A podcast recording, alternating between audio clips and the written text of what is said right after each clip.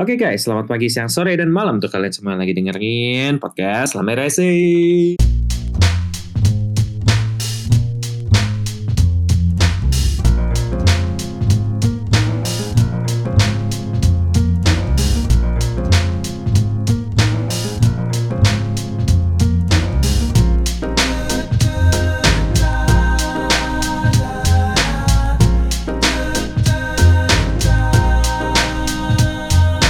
Guys, welcome back to podcast Lame Racing bersama gue Ditra yang akan menemani kalian sepanjang episode ini ya, udah episode 47. 47 ya, nomornya Mick Schumacher. Kemarin nomornya Rossi, kapan tuh Iya nomornya ya? Hamilton. Iya kan? Iya Iya. ya. Iya, iya. Iya asik. Asik nih. Kebetulan sekali. Kebetulan banget apa kebetulan aja? Iya. Ya pokoknya kemarin kalau misalkan kita mau ngapain sih sebenarnya episode kali ini kayak Review-review aja. kalau misalkan kita mau review ya kita mau review balapan kemarin gitu selain ada Formula One yang akan jadi main takeaway kita hari ini ada juga balapan lain nih gimana Mbak Rizky? Jadi kemarin nggak kemarin sih sebenarnya pada saat podcast ini direkam tuh beberapa jam sebelumnya ada NASCAR NASCAR Cup Series di Darlington Raceway yang bertemakan Throwback Weekend. Jadi sebenarnya Throwback Weekend ini tuh adalah weekend di mana NASCAR ya bernostalgia dengan masa lalu lah. Tapi kalau biasanya itu di Throwback Weekendnya itu di Southern 500, salah satu itu event flagshipnya NASCAR, sekarang dimajuin jadi di Goodyear 400 gitu. Waduh. Uh, karena kebetulan Southern 500 dikabarkan menjadi salah satu event-event pamungkas yang bakal masuk di seri playoff-nya NASCAR gitu, setelah regular Oh. season makanya dimajuin. Oh jadi masuk playoff tuh. Enggak, play, playoff itu kan Enggak di playoff itu kan di belakang setelah regular season beres. Iya iya. Itu tuh ya buat ini sih buat apa namanya? Ya buat sponsor biar biar bisa lebih stand out makanya yang Southern 500 tidak dijadikan throwback weekend. Oh baru gue baru. Oh. Sama ini kan karena Darlington juga sejarahnya cukup gede karena menjadi super speedway pertamanya NASCAR bukan di Daytona malah. Jadi ya Iya gitu. iya iya. secara keseluruhan juga kalau gua nilai balapannya ya biasa aja gitu tidak mencem, tidak mencerminkan apa ya throwback weekend yang seru gitu pepet-pepetan segala macam Hmm. walaupun pakai dia pakai package yang baru ya kalau biasanya Livery NASCAR menarik di ya. situ dia kalau NASCAR tuh tadinya pakai di situ 550 horsepower sekarang dengan high downforce sekarang mereka pakai 750 dengan low downforce 750 horsepower Wah gede banget. ya nah, begitulah tapi yang gua sesalkan tuh ya balapannya tuh biasa aja gitu semua stage dimenangkan oleh Martin Truex Jr. yang menjadikan dia mempunyai tiga kemenangan musim ini sedangkan yang lainnya satu satu satu satu satu itu doang sih catatan gua dari Darlington tuh balapannya cuma hype di throwbacknya doang sedangkan balapannya sendiri ya begitu dan uniknya sekarang NASCAR Cup Series ini sudah hadir di Mola TV. Jadi untuk, Wah. jadi untuk kalian yang pengen nonton NASCAR Cup Series bisa dicoba cek di Mola TV. Nggak tahu nih minggu ini soalnya bakal ada kalau nggak salah bakal ada Cup Series lagi di Dover. Ya asupan inilah asupan Lebaran lah. Anggap sama Ah, iya ini. Minggu-minggu lebaran nih. HR lah. sama NASCAR sama IndyCar juga bakal tanding di Indianapolis. Tapi Indianapolisnya yang road course. Gitu. Indianapolis di road course, bukan yang Iya, Indy bukan yang 500. oval. Ya. Ah, Itu I aja see. sih dari balap tanah Amerika. Sisanya sebenarnya masih ada balap yang lumayan banyak kayak minggu lalu tuh kayak Supercars, terus ada Super GT juga juga. main, Super GT. Super, Super GT. Fuji. Balapannya Selasa kemarin. Karena kan di Jepang lagi libur tuh. Golden Week. Oh, Libur, iya, libur iya. nasional gitu ceritanya. Iya, eh, jadi kayak ada istilah libur nasional gitulah di Jepang setiap awal bulan Mei. Jadi makanya kemarin Super GT balapannya pas hari Selasa. Dipindah.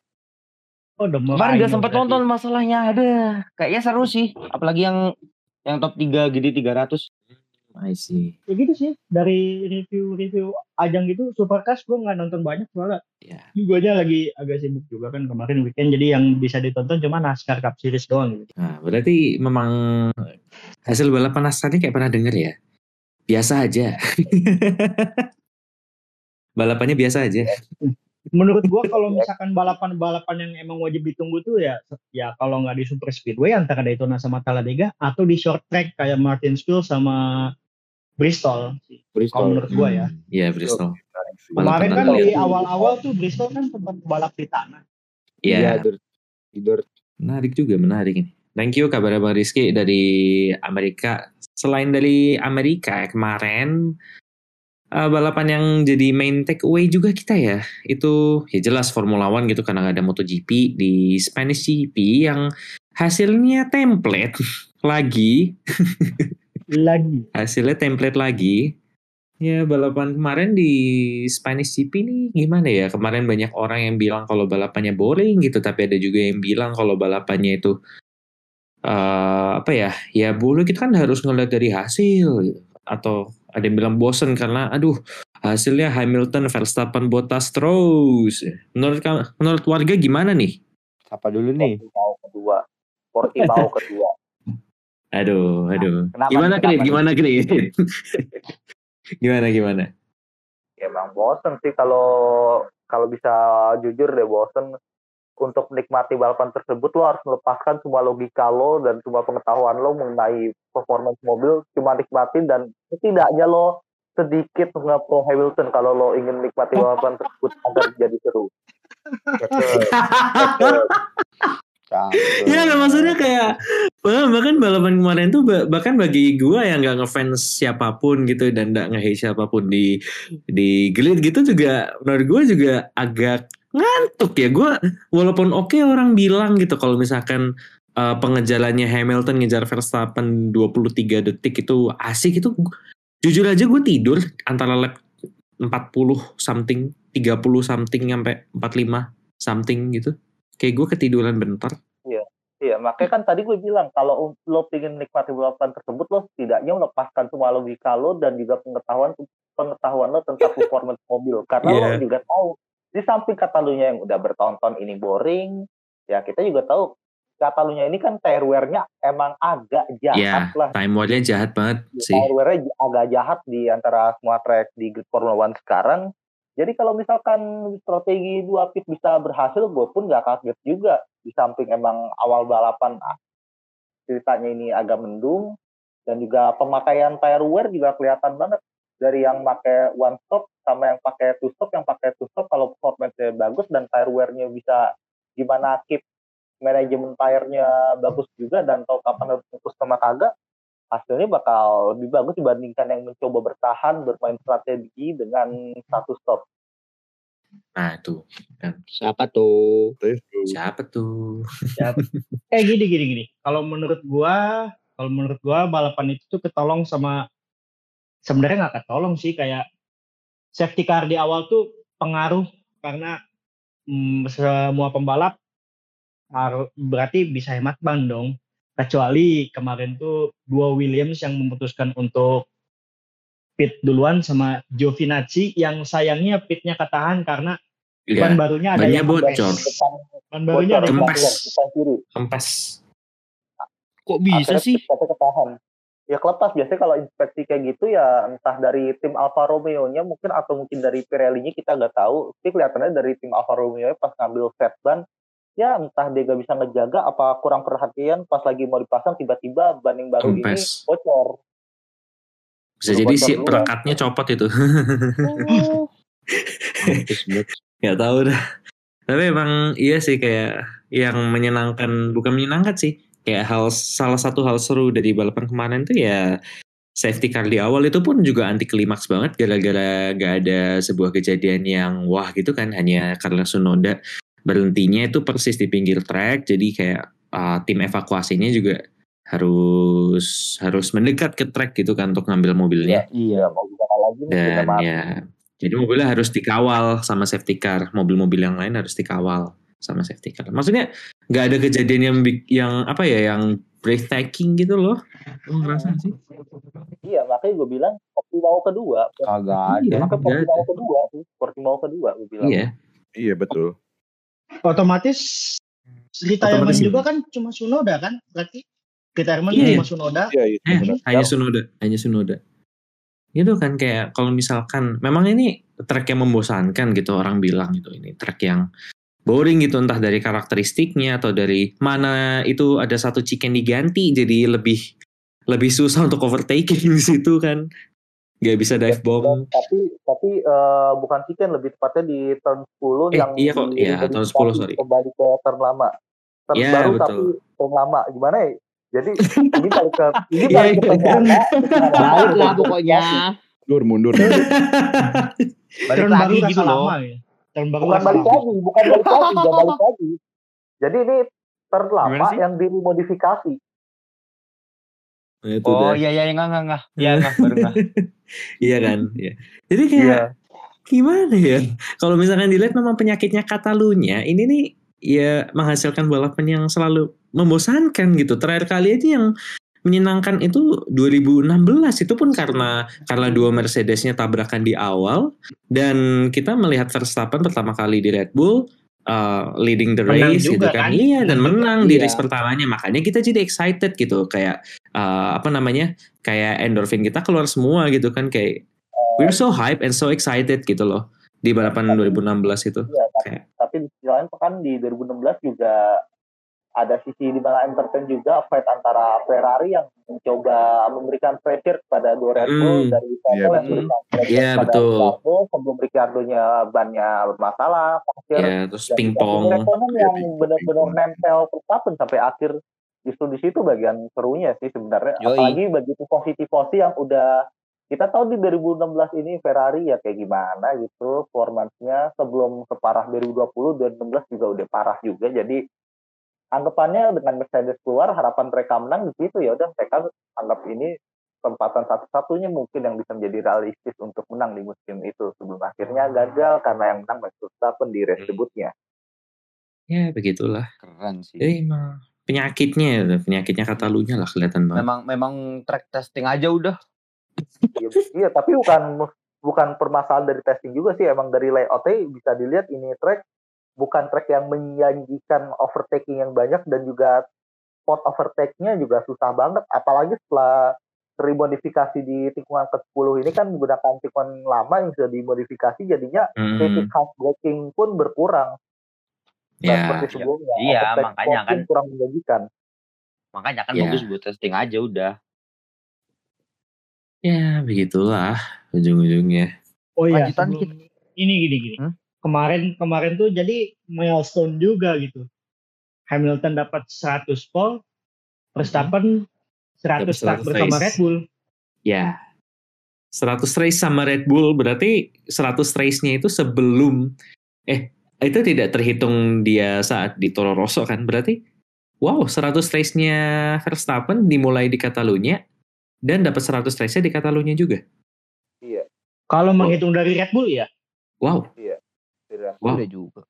Iya. Trivia yang menarik. baru Untuk Sadly jarak 200 race dia 5 belum tahun sih lumayan. Ya, bad, not bad. lumayan lumayan tapi sayang juga kalau ngelihat dia sampai sekarang belum mengangkat gelar juara dunia yes Iya sih. Ya gitulah, timnya harus dibenerin dulu. ya begitulah Oh iya, ada kabar kalau misalkan 15 orang dari Mercedes ikut gabung ke Red Bull untuk pengembangan musim mesin musim depan. iya Iya udah udah diresmi, udah resmi kan itu, bukan katanya Ya, lagi. udah. 15 udah dari dari 100 yang iya dari 100 dan dengar-dengar katanya yang nggak ngambil kesempatan pindah gajinya mau didouble. Iya. Wow. Hmm.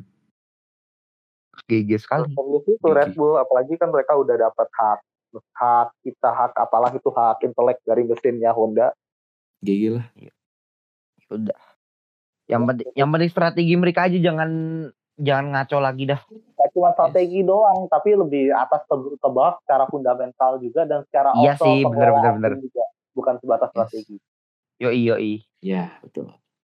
Terus kalau misalkan kita lihat nih balapan kemarin gitu, memang ya kan mungkin orang-orang bilang udah bosen atau atau nggak membosankan nih kita udah kita gali aja. Kemarin kita pengen asik nih kayaknya kalau bahas uh, Mercedes sama RP lagi strateginya lagi.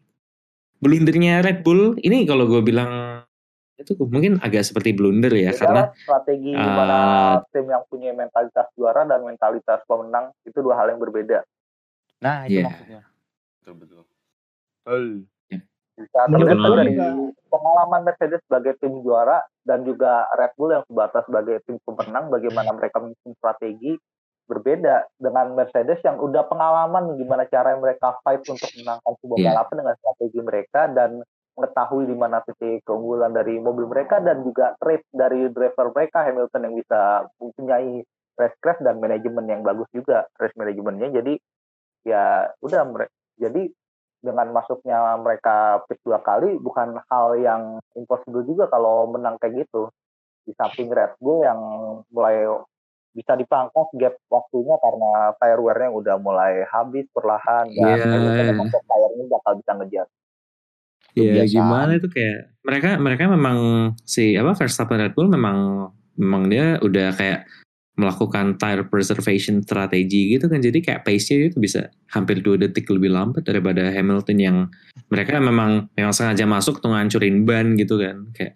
masuk kedua kali ngancurin ban gitu. Tapi memang gue setuju sama lo sih kayak kayak memang winning mentality sama champion mentality itu beda gitu. Dan and it shows gitu di balapan kemarin gitu kayak Hmm, kayak memang sudah terforce gitu. Walaupun ya we can say kalau Red Bull udah juara dunia empat kali tapi mereka kayak don't have the same spirit anymore gitu loh sejak uh, hybrid era gitu kayak. Ya we'll see lah. Maksudnya kita ya kayak- we have seen it gitu before gitu kayak ya gimana sih jelasinnya agak susah Terus ya gitu dah. Kalau before bukan hal yang benar-benar mengejutkan untuk kita semua kalau Mm-mm. hal seperti itu Mm. terjadi kembali kembali dan kembali lagi ya Gimana Kalau tadi? menurut gua tadi itu Nah. apa namanya? Sebenarnya reaksinya itu dimulai ketika keduanya ini dihad- dihadapkan dengan satu traffic dari saudara Nikita, Nikita Mazepin. aduh Gak cuma Mazepin doang Mazepin ngalah loh masih jalan loh sih, ya masih jalan. Cuman kan ya namanya kehalang traffic pasti kan pace-nya juga harus sedikit menyesuaikan gitu Mm. kan menurut gua. Iya. Jadi Hmm. ngelihat kayak gitu, mungkin Red Bull juga berpikir sudah saatnya. Sebenarnya kalau yang gua perhatiin itu dari tim radionya juga, Verstappen tuh sebenarnya di jadwal itu tidak di lap tersebut gitu. Ada masih sisa satu lap buat ya kalau misalkan kata Hamilton mah hammer time gitu. Cuman mungkin salah salah dengerin, salah baca informasi, makanya dia masuk duluan. Makanya kan bannya jadi nggak siap gitu. Pitnya juga lambat kok 4, berapa detik tuh. Iya iya. Dia masuk tuh kayak dadak banget kan kayak pas kameranya hovering ke Hamilton gitu loh. Toto Hamilton belok wuk gitu. Kita aja kayak, "Hah?" gitu. Gue nonton kayak, "Loh, pit, dia nge-pit nih gitu." Gitu kan. kayak ngeliatnya kayak dadak banget gitu loh. Dadak banget sih. Ibaratnya lo, iya, ibaratnya lo kalau lagi FM lo tiba- tiba-tiba ganti strategi yang tadi empat empat back long man nyerang jadi main tiga back long ball. Aduh, gue gue gak ngerti kan. Tiba-tiba ganti gitu pakai plan B. Ya itu kayak, ganti jadi pakai plan B. Tapi dengan berbagai faktor juga emang bener juga memanggil Hamilton untuk di call masuk ke pit. Soalnya kan waktu Mhm. beberapa lap sebelumnya Hamilton udah ngejar dengan bantuan DRS tapi gak keep it gak keep it up gak dapet juga mm, iya betul Dapat betul dapat. betul. Emang sebelum bagus. momentumnya hilang akhirnya pilihan terakhir ya udah mending kita main full stop aja kita bisa ngejar dengan tire wear tersisa kalau Red Bull emang nggak bisa ngepit kalau misalkan berhasil juga udah bisa overcut juga kalau berhasil Gue malah jadi kepikiran deh. Oh ya, Gimana gimana? Kenapa? Kenapa? Kenapa? eh, kemarin tuh jadi Red Bull itu ternyata sisa mediumnya tuh udah kepake semua. Sedangkan Iya. Mercedes di Hamilton Masih itu banyak. masih ada enggak, masih ada satu medium sisa. Sisa ya, bukan bener-bener baru, tapi medium sisa itu tire wear-nya masih cukup sedikit, makanya dia bisa nge-push sampai beres balapan gitu. Hmm. dan Hmm, akhirnya dan akhirnya memaksa Verstappen karena udah nggak ada pilihan kan masuk Iya, iya, lagi ganti shock ngejar fase lap Iya. Oh, jadi memang kemarin tuh strateginya juga didorong karena dari stok eh, set ban yang dimiliki tiap tim juga ya kayak atau Ya, gimana? pastinya. Ya pastinya. Jadi kayak- Pastinya. Jadi Pastinya kan tiap Gimana, race gimana? Kan tiap, jadi kan tiap race weekend kan udah dibagi jatah tire wear, jatah ban dari tiap Bannya tim dan gitu. tiap driver juga udah dibagi. Jadi untuk pemakaiannya dari mulai free practice 1 sampai race itu udah dijatah. Kalau misalkan habis ya udah. Makanya kan ini bagian ke strategi juga dari penerapan juga dan setidaknya lo kalau balapan di situasi kayak gitu lo juga paham akan plan A, plan B, plan C dan juga sebagainya termasuk panic plan juga sampai ganti shock untuk ngejar fast lap masa penyesuaian lah. kayak, Hmm. kayaknya tuh mereka udah mikir eh, buat satu strat aja gitu loh di Iya. awal di dari awal-awal weekend. dari awal weekendnya jadi kayak ini memang jadi ya udah mereka borosin aja. Mm-mm, mm-mm. Borosin di awal, Hmm. taunya ternyata Mercedes ngambil dua, ya udah. iya. Ah ya mereka respondingnya juga mungkin mereka ngeliat aduh ini kita hanya punya satu medium dong itu ya udahlah. Kayak Ya antara satu stra, satu pit atau eh ya itu pas tahunnya disalip ah ya udahlah kita kejar FL aja. Emang gue jadi kepikiran deh kalau misalkan nih, misalkan nih, misalkan nih, misalkan Red Bull jadi punya dua dua medium apa dua medium gitu misal punya dua medium dan eh, melakukan strategi yang sama gitu. Pas Hamilton masuk dia merespon Dibalik gitu akhirnya iya dua pit kemudian dia masuk gitu. Menurut lo hasilnya bakal beda apa sama aja atau gimana nih? Gue pengen tahu. Beda. Bisa aja. ini gimana gimana? Bakal beda hasilnya tapi endingnya bakal dengan template yang sama. Ham Verbot Iya. Tapi kayak mungkin gapnya nggak sampai berapa detik sih gapnya Verstappen ke Hamilton kemarin gue Iya, paling paling nggak nggak jauh-jauh banget gitu loh. ya sekitar kemarin 15 detik kalau nggak salah. Mungkin gapnya mungkin bisa jadi kayak kayak ada last lap battle gitu nggak sih? Atau Paling ya last lap battle gitu. atau gimana gimana? Makanya gue pengen tahu nih. Gue dari kemarin ngempoin itu soalnya Last lap battle di Catalunya itu terakhir kali kapan tolong kasih tahu gue sampai bener-bener kecuali kalau battle ini cuma ngasih pressure doang sampai finish nungguin di belakang doang ngebuat ini ujung-ujungnya emang gitu deh ngasih pressure doang cuman Iya. kayak pinter-pinteran aja ya siapa yang race pace-nya kebetulan paling cepet kan diambil terus nanti ya udah ujung-ujung cuma Iya. ngasih pressure doang dapat DRS mau nyalip nggak bisa gitu gitu Iya. lima lap kayaknya sih gitu ya kalau battle last lap battle di F1 ini susah. Makanya Katalunya F1 ini bukan Katalunya MotoGP ya, mohon maaf. Katalunya MotoGP udah punya high lap last lap last corner yang Rossi dia bisa nyari Lorenzo. Beda, Pak.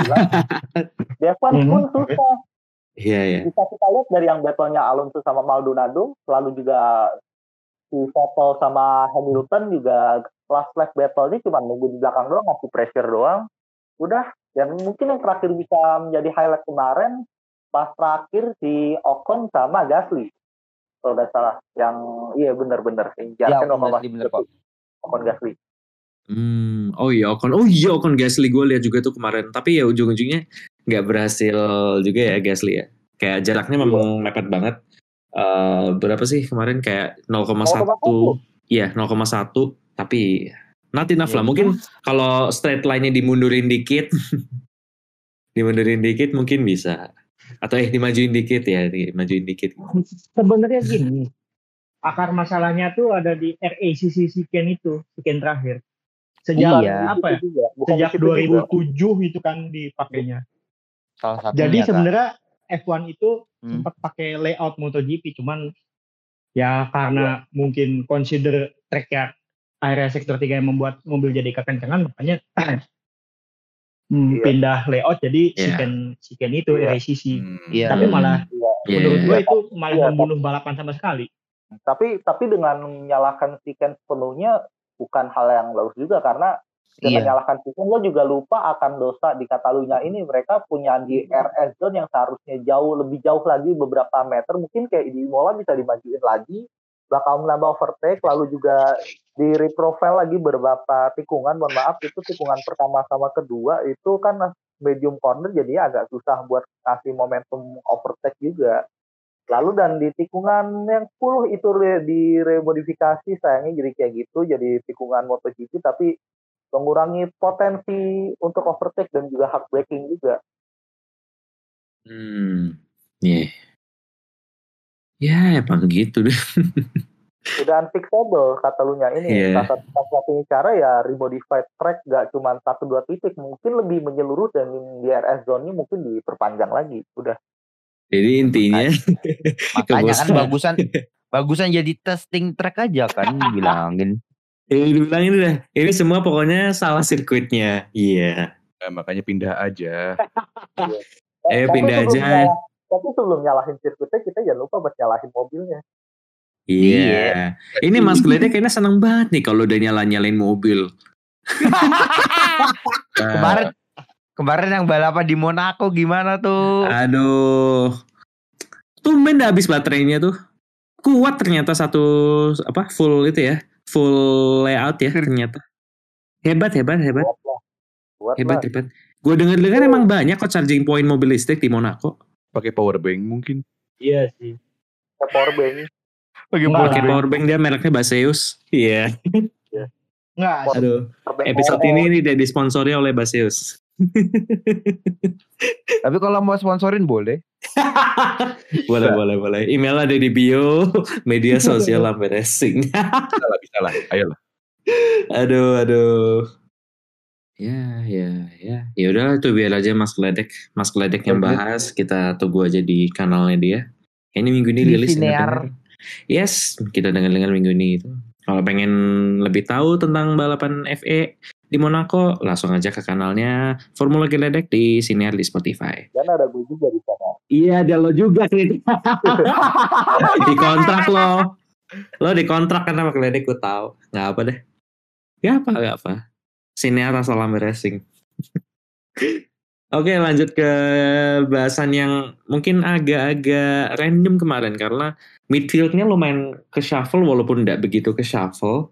Kayak oke kita lihat ternyata Ferrari Charles apa Charles Leclerc bisa di P4 ya Bagus. Boleh. boleh Udah boleh udah boleh. akhirnya akhirnya ya nggak tahu kita lihat Udah. bakal konsisten sampai akhir musim apa enggak cuman alhamdulillah alamin Alhamdulillah. Driver of the day gue bilang. Charles Leclerc deserve Hmm? driver of the day. Nah, itu makanya kan. kan yes Leclerc kan. Yes. Ya, yoi.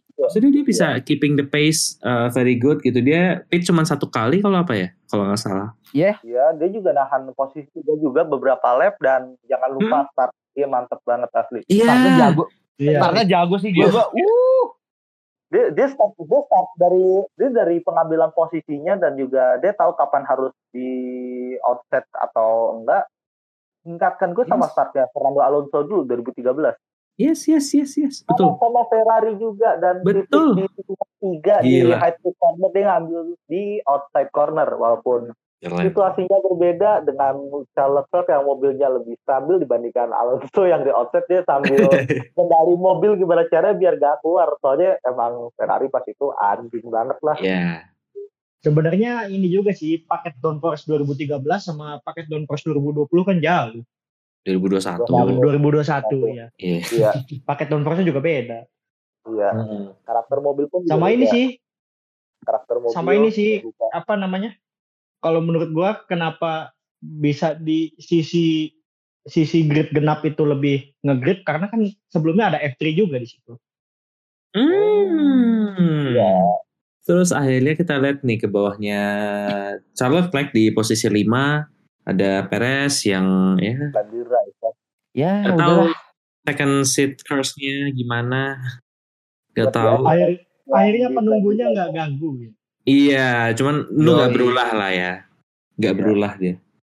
Nggak berulah. Terus di bawahnya ada Daniel Ricciardo. Posisi 6 akhirnya bisa juga finish di atas Lando Norris setelah tiga balapan sebelumnya di ayam-ayamin sama Lando Norris. Akhirnya. Kayak udah mulai menep, udah mulai cocok dah. Ah, belum. Tapi menurut Hmm. pandangan gua McLaren kayaknya sedikit menurun sih ngelihat Ferrari yang tiba-tiba jago gitu di Iya, Portugal jelas sama lah. di Portugal sama Spanyol kemarin kan. Iya, tapi bukan masa menurun juga karena kan kalau di kemarin Portimao kan emang kebetulan nasibnya terutama di Ricardo kan lagi nasibnya kurang dan di Catalunya ini bukan track keunggulan bagi McLaren juga sih. Mhm. Hmm. Terus juga kayaknya mereka belum bisa konsisten di atas gitu sih, tapi udah poin terus bagus lah. Bukan bukan Bagus masalah konsisten, bukan masalah konsisten di atas juga sih, bukan tapi kayak. saya juga nggak mau gimana mau konsisten kalau tim lain juga menampilkan forma terbaik dan Ya. jangan lupa si Lando Norris ini kan di kualifikasi keras di kualifikasi pertama kan dia sempat Uh, P1. ah, ada cekcokan dia sama Majepin gara-gara aslinya jangan nggak ngaruh banget nggak perlu direbutin banget cuman Iya. gara-gara itu doang ngabisin satu set of tire yang berakhir pada Q3 akhirnya si Norris kan dia nggak bisa ngeset waktu pakai fresh set tire akhirnya dia kejebak di start posisi 9 Hmm, ya. Ya selain dari Ferrari dan McLaren yang kayaknya nih bakal memberikan battle yang asik sampai akhir musim ya. Semoga saja, amin amin. Amin. Terus kita kita ngeliat juga nih ke ya kemarin kayak Alpha Tauri ternyata ti- tidak begitu wow ya weekend kemarin. Lan- uh, Yuki Tsunoda uh, DNF gara-gara uh, masalah mesinnya, mesinnya tiba-tiba mati. Terus Gasly juga kayak ya tidak tidak sebagus yang kita ekspektasi nggak tahu mungkin orang-orang ya you know lah orang-orang kata Netflix itu mungkin berharap wah yuk Gasly Gasly tapi ya tapi menurut gue bagus sih kemarin Gasly karena dia bisa membawa mobil yang nggak kayaknya nggak nggak begitu fit untuk uh, Katalunya gitu ke daerah poin ya. Soalnya kita lihat juga kemarin tuh sempat ada battle parah banget bukan parah sih battle yang melibatkan lima apa enam pembalap ya di akhir-akhir. Mm-mm. di Iya, menuju iya. ke akhir iya kan? Iya kan? Iya iya. Iya. itu itu gue lupa ada detailnya. Gimana sih? Detailnya gimana kalau menurut gue itu pack ah, pack pack di papan tengah tuh kalau menurut gue kemarin evenly contested sih. Jadi kayak tiba-tiba ada lima mobil gitu di, Hmm. di posisi yang berurutan tiba-tiba kejar-kejaran mana mepet lagi macam. mereka? Mepet sempat mepet. ada sempat ada di turn 3 tuh bisa hampir three wide segala macam iya iya iya. Jadi yang gue liat di TV gue juga kaget. Hah anjir mepet banget nih. Bener-bener mepet empat mobil apa? contested Lima mobil. lah kalau menurut gue Iya. sama ini kan Gasly kan karena salah salah parkir gitu kan jadi harus apa namanya harus ditambah dapat penalti stop and go 5 detik ya Iya, salah start salah parkir di start terus kayak Lompatan gridnya dia kelewat. Yo, dapat Lewatnya lima itu gimana sih? Gue gue bingung. Kalau nggak sebenarnya salah kelewat. Jadi, jadi kan kotakannya nih, kotakannya lo kelewat. Gampang. Iya, bannya tuh kayak Oh. bannya tuh ada di luar kotaknya gitu loh bannya tuh oh, posisi di luar kotak iya iya bukan iya di iya. dalam iya. aduh padahal Aduh, jaraknya cuma satu kasihan. ban doang ya terus apa lagi ya midfield kemarin yang Uniknya asik ini loh. kira-kira uniknya Apa nih? loh kemarin tuh gimana gimana tidak ada lap time delete gara-gara track limit hmm sepanjang balapan Tumben ada apa Sepanjang kan? balapan ya Asli gak kaget sih, asli gak kaget. Balap udah tahu gimana cara yang libas Katalunya, mereka udah muter berapa kali selama testing. oh itu Dan juga Iya sih, kata- berapa kali.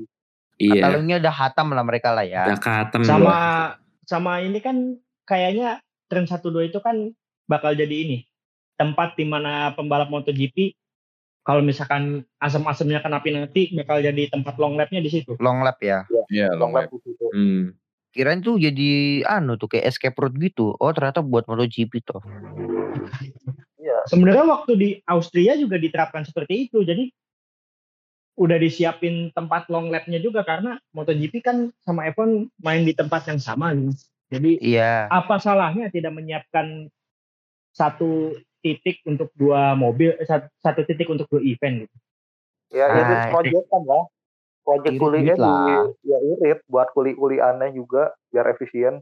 ya begitulah terus apa lagi kemarin yang menarik di midfield coba Di Hmm. midfield kemarin mungkin yang menarik dari Alpen mungkin Alpen Oh ini iya. kebalikan banget sama Portimao. Mereka di Portimao Yes. bisa lo lihat seberapa Mm-mm. bagus taktikal mereka, tapi di Catalunya kemarin sayangnya taktikalnya mengorbankan dua driver mereka bahkan Alonso finish di Alonso finish di poin- P17 ya Iya, di di luar posisi poin karena kesalahan strategi juga dan dari Alpine pun juga mereka ngaku juga kalau itu murni kesalahan strategi blunder.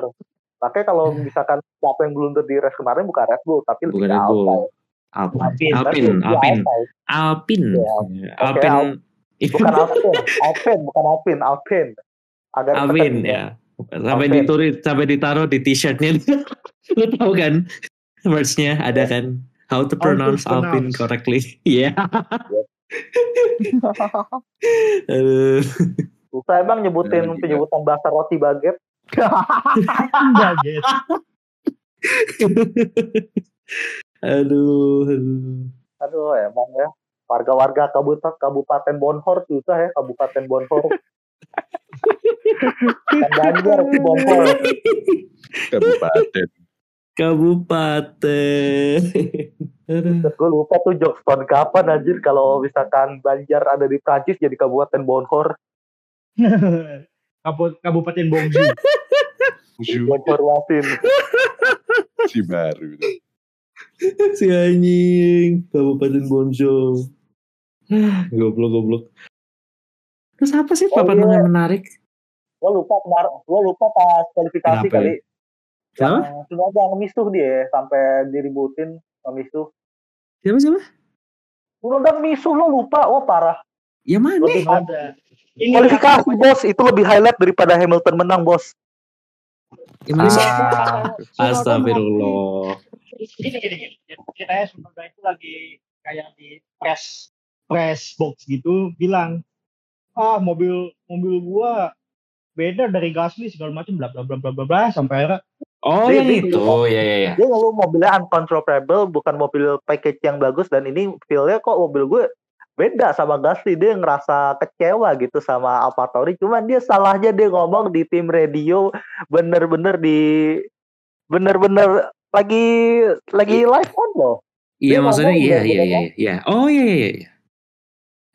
Ya kalau misalkan mau kayak nganggap-nganggap cerita gitu ngan- nganggap-nganggap cerita gitu kayak inilah waktu Magnussen di Kanada waktu itu yang katanya bilang mobil ini adalah mobil yang paling jelek Iya. Iya, iya. Hmm, Iya. Itu keceplosan momen sih. Gue gak tahu kayak memang Yuki Tsunoda itu tipe-tipe umur anak-anak umur 20-21 tahun yang emosinya lagi gila-gilaan atau gimana tuh memang basically memang dia suka misu. Ini keceplosan banget sih dia ngomong gitu di tim radio. Jadinya kan you know lah. Kayak bukan rahasia pabrik. di balik Sedikit. di balik layar tuh di balik layar tuh pasti dimarahin tuh sama si Helmut tuh. sama ya sama si Helmut. Papa Helmut semuanya gak cuma Helmut sih gak cuma Helmut semuanya bahkan gue bilang termasuk Adrian Horner mungkin bakal. Waduh. Pasti lah, nama Red nama Red Bull bakal kecemar cuy. Nama Red Bull kecemar cuy. atau mungkin dari Honda pun bukan masalah Ya. Red Bull juga Honda pun juga Oh kena. iya makar. Iya, Itu Dia juga dalam tanda tanda kutip pun juga agak sedikit titipan juga dari Honda. Iya, Green emang Project titipan juga kan. sama ke Red Bull. Hitung-hitung Jadi, aja makar dong. Beda. Makar. Bukan Waduh. makar dong, beda, beda dong. Kok Makar makar dong. sih? Kok makar sih? Aduh, Kok makar? anjir. Kok makar sih salah salah salah. Emang Honda mau nurunin Honda. Emang ada Honda Red Bull. Iya kalau makar jadinya bukan Red Bull Honda, Honda Red Bull. salah salah gua. Anjir. Makar. Gimana? Aduh. Goblok. Aduh. Aduh, Yuki, Yuki misu-misu mulu lu. Sampai keceplosan kan. Tahu kan? itulah cerminan waktu itu kan Sunoda waktu di F2 pernah di interview interview Citria gitu kan dia juga mengakui bahwa I swear quite a lot gitu kan ya no wonder juga sih kalau misu-misu lagi balapan atau lagi kualifikasi gitu Iya, iya. Iya, Tapi iya maksudnya dia gak tahu kapan menempatkan posisi. Yes, maksudnya itu loh. Tuh, di behave yourself. aja. Yes gitu. Kayak Hmm. kayak lo tahu sendiri gitu, radio tuh disiar apa maksudnya disiarkan secara live gitu bisa dipilih sama race director untuk ditayangkan di live broadcast dan kayak lu harus bisa apa ya milah-milah lah apa yang lu omongin di radio dan apa yang nggak harus lu omongin di radio gitu. Kayak kayak kayak kapan tuh gue lupa kayaknya ada pembalap yang dia mau ngomongin masalah mobilnya itu sampai di cut sama radio engineer-nya kayak ya udah nanti kita ngomong aja di Ocon, Ocon ya kayaknya ya? Ocon ya? Ocon di Ocon Monza. ya udah ntar kita bicara di di brief aja gitu kan. Ya kita we, we we'll talk about it later we talk about it later gitu. Dia bilang gitu kan kayak dipotong-potong gitu sama race engineer-nya. Maksudnya kayak iya itu kayak behave lah gitu. Kayak nggak nggak semuanya harus lo omongin di radio. Jadi ini itu- sih kalau menurut gua itu bakal jadi classic team radio sih ke, macam GP2 engine atau worst car ever atau itu apalah udah itu udah udah terjadi udah terjadi sayangnya Iya. udah terjadi. Ya itu. Ya udah. Terus setelah kita ngomongin Yuki Tsunoda dan mulutnya nggak bisa ngerem ini kita ngomongin aja nih Mazepin yang kebetulan dapat P3 Ada masalah apa sebenarnya nih kita Mazepin kok jadi banyak yang milih P3 DOTD? dapat podium loh dia. Dapat podium tapi podium vote doang iya. Bukan podium balapan Tahu dah dulu dulu udah bela-belain siapa tahu nih anak punya punya apa dah? Potensi. biar punya potensi taunya malah ngelawak Iya. hadeh Not about lawak, man. Not about lawak. Kan gue udah bilang dari awal musim, kalau Mazepin ini tipikal dia kalau misalkan bawa mobil yang lebih kencang, dia bakal punya semacam per- lebih meningkatkan percaya dirinya dengan mobil yang lebih lambat. Ya pertama kali dia percaya diri, nurut, dan kedua jangan lupa siapa teammate-nya dia. Iya sih ya Iya juga sih. iya Iya. juga sih Hmm. nggak tahu nih kalau gua gua. rasa memang kayaknya kayaknya eh hate ke Mazepin ini udah merambah maksudnya selain dikompori sama fanbase dan media yang terlalu banyak menggoreng gitu akhirnya masuk juga ke pedok kayak kalau toh lu nggak benci gitu tapi at least kan lu kan pasti dapat exposure mengenai itu kan kayak lo kan Iya. ngeliatin berita gitu ya lo lo kayak menimbulkan bukan menimbulkan apa ya tapi kayak maksudnya tuh sudah tertanam di lu gitu loh kalau berita bahwa hmm, ya itu kayak ya bahkan kemarin di weekend kemarin aja dapat misuan dari berapa driver coba dia dia dapat Iya. misuan dari siapa aja sih dari Blackburn aja bisa. Norris. Dua doang, dua doang. dua-dua Iya. sih cuman tetap aja di highlight sana sini kan Mazepin will always be the same apa iya Iya. iya nggak sih Karena Itu yang leclerc leclerc. Leclerc Iya, sama. Norris dua, dua. Dua dua. Kalau pembalapnya dua sama satunya itu Toto. Yang apa? Tuh eh, apa namanya? Radio antar FIA sama timnya pertama kali di broadcast di F1 Toto ngomongin Toto untuk ngasih blue flag ke Mazepin Iya iya iya iya. ya. Itu. Kayak but still though gitu. Maksudnya itu tidak menghilangkan fakta bahwa kayak hmm gitu. Dia sebagai pembalapnya kayaknya kasihan banget ya udah di hate fanbase di hate paddock Kena mental udah. Iya maksudnya kayak bahkan gua jadi dia aja mungkin udah nggak mampu nyetir atau showing up my face di situ kali ya hebat banget ya men. Hebat, Maksudnya kayak- hebat, hebat. iya kan hebat kan maksudnya ya udah kita angkat topi lah buat Mazepin gitu dia dia Yap. bisa menahan itu semua gitu loh Iya. gila sih Tahu-tahu kan kan udah banyak dibilang kalau Has itu tidak make token. Jadi dia fokus di 2022. Siapa tahu Mm. 2022 Iya. mobilnya bagus gitu. iya iya iya ya semoga aja dah gua gua berharap banyak dah ayolah Iya. Lu Iya, udah jadi iya, tim kita terbaru tahu, jangan kita nggak tahu gimana juga ke depannya tapi untuk musim ini what you expect from us gak usah berharap apa-apa lah Iya, sama nggak usah berharap apa-apa. jadi jadi tim dia terbawah aja udah bagus nggak nggak lucu cuy Has jadi tim terbaru di grid tahu-tahu jadi yang pertama meninggalkan grid juga. Ya why not? Ya why not? Nggak lucu aja gitu loh. Gak Ya. lucu itu kejadian tim-tim baru 2010 malah mereka yang cabut duluan. Iya, Iya. emang sih. Ya iya makanya kan nggak lucu kalau terulang lagi. Ya mau gimana pun pasti keulang ya semoga aja enggak lah ya. Semoga aja tahun depan ah bisa lah poin. Ya maksudnya kayak kalau semoga regulasi baru juga menguntungkan mereka juga Yoi. who knows Semoga. gitu siapa, siapa tahu nih siapa tahu gitu kan. Tahu-tahu tahu, gitu biar- ada sebuah keajaiban seperti Brown GP 2009 tahu-tahu Haas tiba-tiba gacor. Walaupun kayaknya nggak mungkin kalau dilihat dari pairing drivernya tapi ya nggak tahu. Dan Ya, dari driver juga sih. dari development khas juga. Iya. poin puluhan aja udah bagus. Dari development dan juga khas ini kan statusnya dia selalu beli bekasannya Ferrari Iya, walaupun nasibnya kurang beruntung jadi ya what you expect from khas iya makanya gitu Ya, Iya. who knows lah maksudnya what the future holds gitu kan we never know Mm-mm. Oke nih setelah kita bahas uh, Haas dan Mazepin yang itu sebelum kita menutup karena mungkin kayaknya udah nggak ada yang perlu dibahas lagi ya. Kalau menurut kalian nih satu-satu gimana sih uh, Spanish GP kemarin gitu menurut kalian gitu. Maksudnya in, a- in short words gitulah. Gimana gimana? oke Tapi sebelum masuk menutup kita jangan lupa juga untuk memberi highlight pada Vettel menjadi satu-satunya driver di tim waras yang masih belum dapat poin. Oke, karena kita masih pada penutup. Eh iya seriusan. Gue gue belum lihat klasemen sih. Iya. Ah. Kasian banget Vettel. Udah tuh kayaknya terlalu painful bagi bagi Udah fans mereka untuk didengerin gitu. Jadi ya udah kita Masih Iya. masih banyak yang nggak bisa membuka mata mereka. Lebih cocok untuk dikatain mending pensiun daripada Rossi. Emang emang iya kan kita kita udah bahas ini berapa kali. Iya, udah iya, iya. Vettel udah selesai dah titik. Iya, iya. Betul. Waktumu sudah habis. Ini kan Ini gaya kayaknya, kamu. ini kayaknya lebih cocok diangkat gitu kayak is fatal time over. Um, Gimana langsung gimana? ke, ke. Iya. masih sama kayak tadi secara taktikal menarik tapi untuk mengasih untuk membuat balapan tersebut jadi balapan yang menarik untuk lo tonton lo harus melepaskan semua logika lo tentang balapan pengetahuan lo tentang balapan dan performance mobil lalu menikmati balapan tersebut sambil sedikit nge-pro Hamilton untuk menikmati balapan Iya. Iya, betul, betul. Betul. Kalau misalkan lo, fair. Sebenarnya ya ya gitu sih kayak biasa aja lah udah. Eh, apa sih mau diharapin?